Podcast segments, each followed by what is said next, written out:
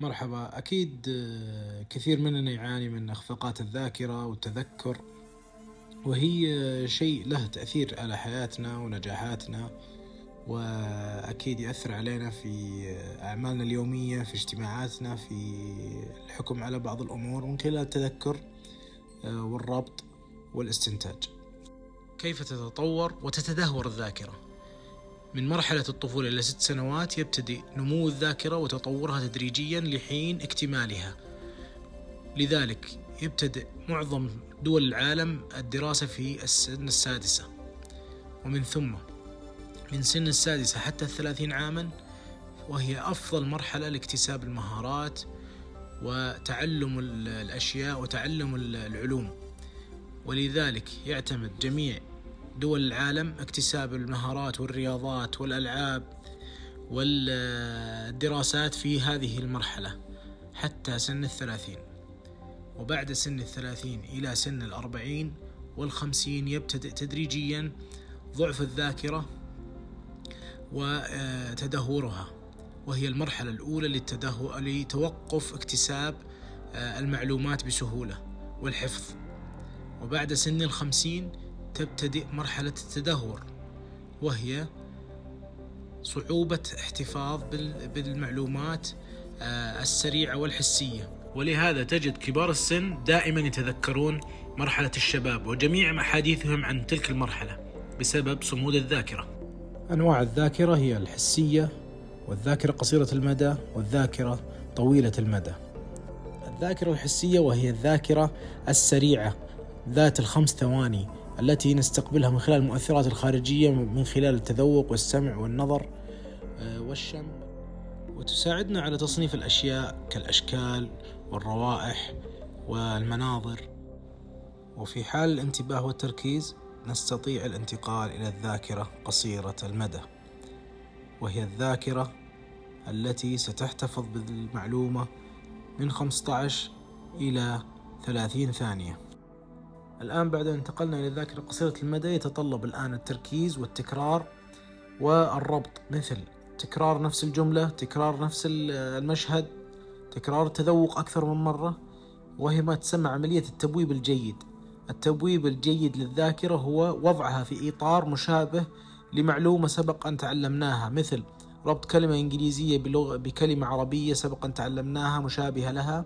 أو تشبيه تمرين معين بلعبة سبق أن لعبناها سابقا وهذا هو التبويب الجيد للمعلومة وتغليفها في الذاكرة قصيرة المدى لنستطيع الانتقال إلى الذاكرة طويلة المدى. الذاكرة طويلة المدى وهي المفهوم العام للذاكرة وهي مسؤولة عن التحليل والفهرسة والتجميع المعلومات وربط القديم بالجديد وأيضا هي الذاكرة التي تخزن المشاعر والخبرات والأحداث والمواقف آه، بشكل عام وهي الذاكرة الأم أو العامة. هنا تستمر المعلومة داخل الذاكرة لمدة أيام أو شهور أو أسابيع أو سنوات. وكلما كان التبويب جيدا أصبح الاسترجاع والتخزين أفضل. التبويب الجيد هو التخزين الجيد والاسترجاع الجيد.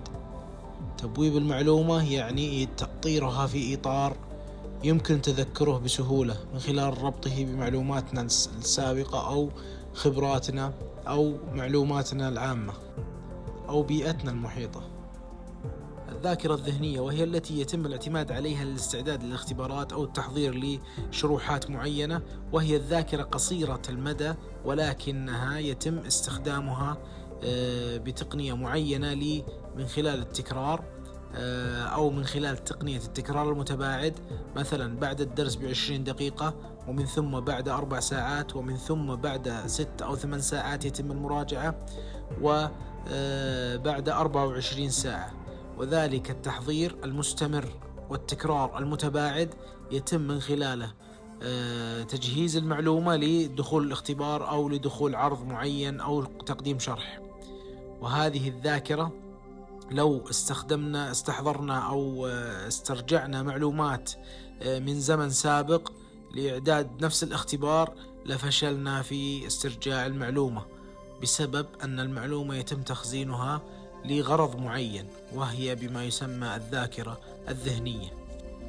أخيرا لدينا الذاكرة الحركية وهي التي يتم تلقي المعلومات من خلال المهارات مثل آه، تعلم ركوب الدراجة، تعلم الخياطة آه، أو تعليم الأطفال آه، الكلمة مقرونة بتمرين مثل كلمة اقفز ويتم القفز أمام الطالب أو الطفل أو امسك ويتم المسك. هذه المعلومات التي يتم تخزينها في الذاكرة الحركية هي أثبت المعلومات. فكثير منا لا يستطيع تذكر اختبار الثانوية ولكن يستطيع تذكر مهارات ركوب الدراجة. وأغلب المهارات التي اكتسبها من خلال آه، الحركة أو تطبيق جهد معين أو تمرين معين وهي أثبت الذواكر. هناك مقولة تقول أن ما لا نستخدمه سنخسره وهي معلومة يتم الارتكاز عليها في جميع النظريات أو نظريات التعلم. ما لا تستخدمه تخسره في جميع الأمور وفي الذاكرة بالذات.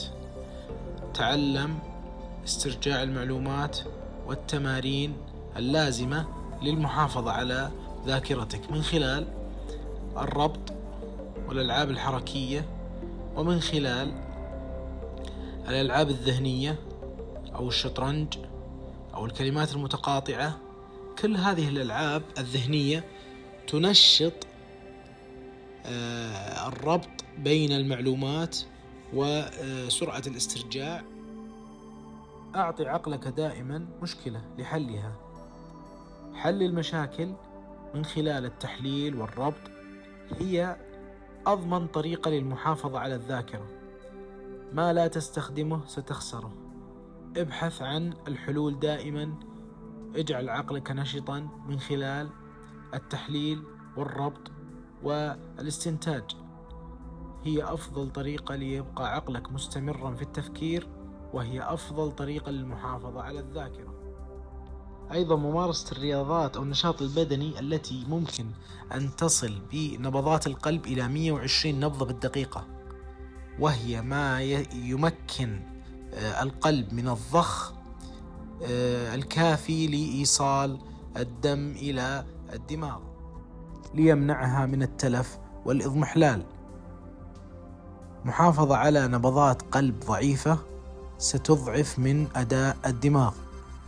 أيضا هناك عوامل مساعدة للمحافظة على المعلومات والاسترجاع بشكل سريع مثل الابتعاد عن الفوضى الابتعاد عن الضوضاء الابتعاد عن التشتت.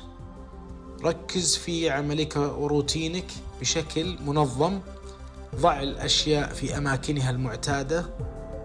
حاول آه، التركيز على الأشخاص المهمين على الأسماء المهمة على الأرقام المهمة. ابتعد عن تجميع المعلومات العشوائي والتركيز على كل شيء. ركز على ما يهمك ركز على ما يفيدك ركز على ما آه، يحيط بك ويؤثر بك.